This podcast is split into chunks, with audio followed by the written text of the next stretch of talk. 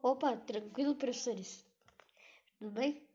Bom, hoje eu vou apresentar um, sobre o meu trabalho de podcast da América Anglo-Saxônica.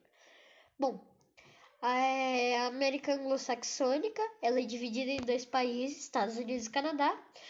E eu vou falar um pouco sobre o, o momento atual que eles estão vivendo, a questão da pandemia e vou contar sobre geogra é, a geografia deles e o clima de lá. Bom, então bora começar sem mais enrolação.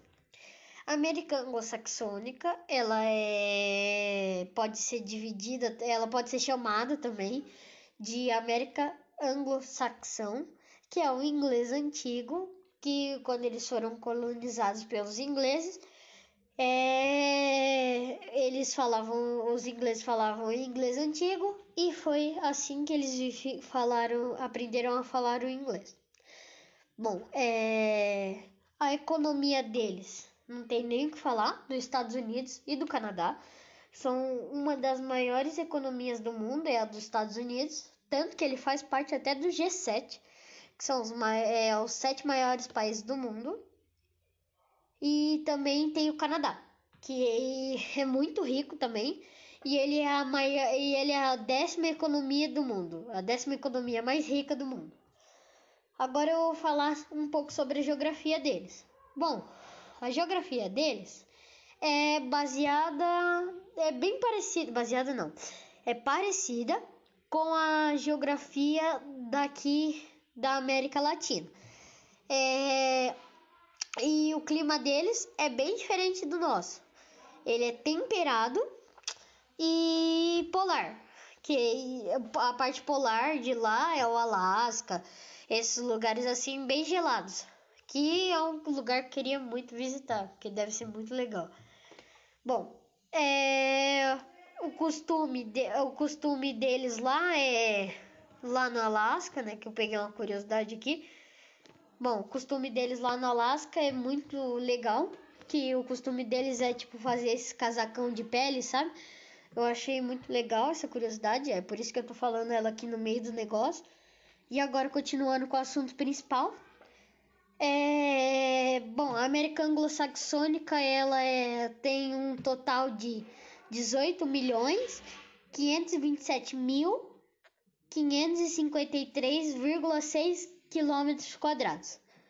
Então ela é muito grande, muito, muito, muito, muito, muito grande. Não dá nem para calcular o que é isso direito, que eu não sei o que é isso. Então eu só vi esse número, fiquei muito abismado e decidi mostrar para vocês.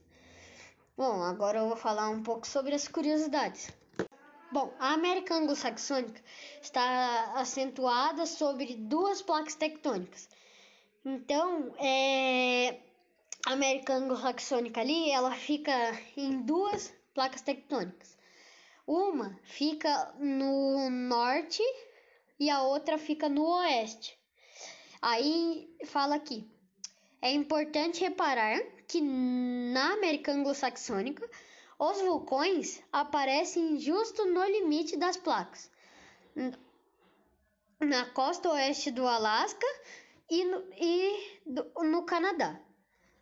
E também tem tem a placa tectônica, que é muito legal, uma curiosidade que eu não sabia, aliás, que é no sul, que também no limite entre as placas tectônicas localiza-se uma falha de San Andreas, que é um buraco imenso lá que ele tem lá.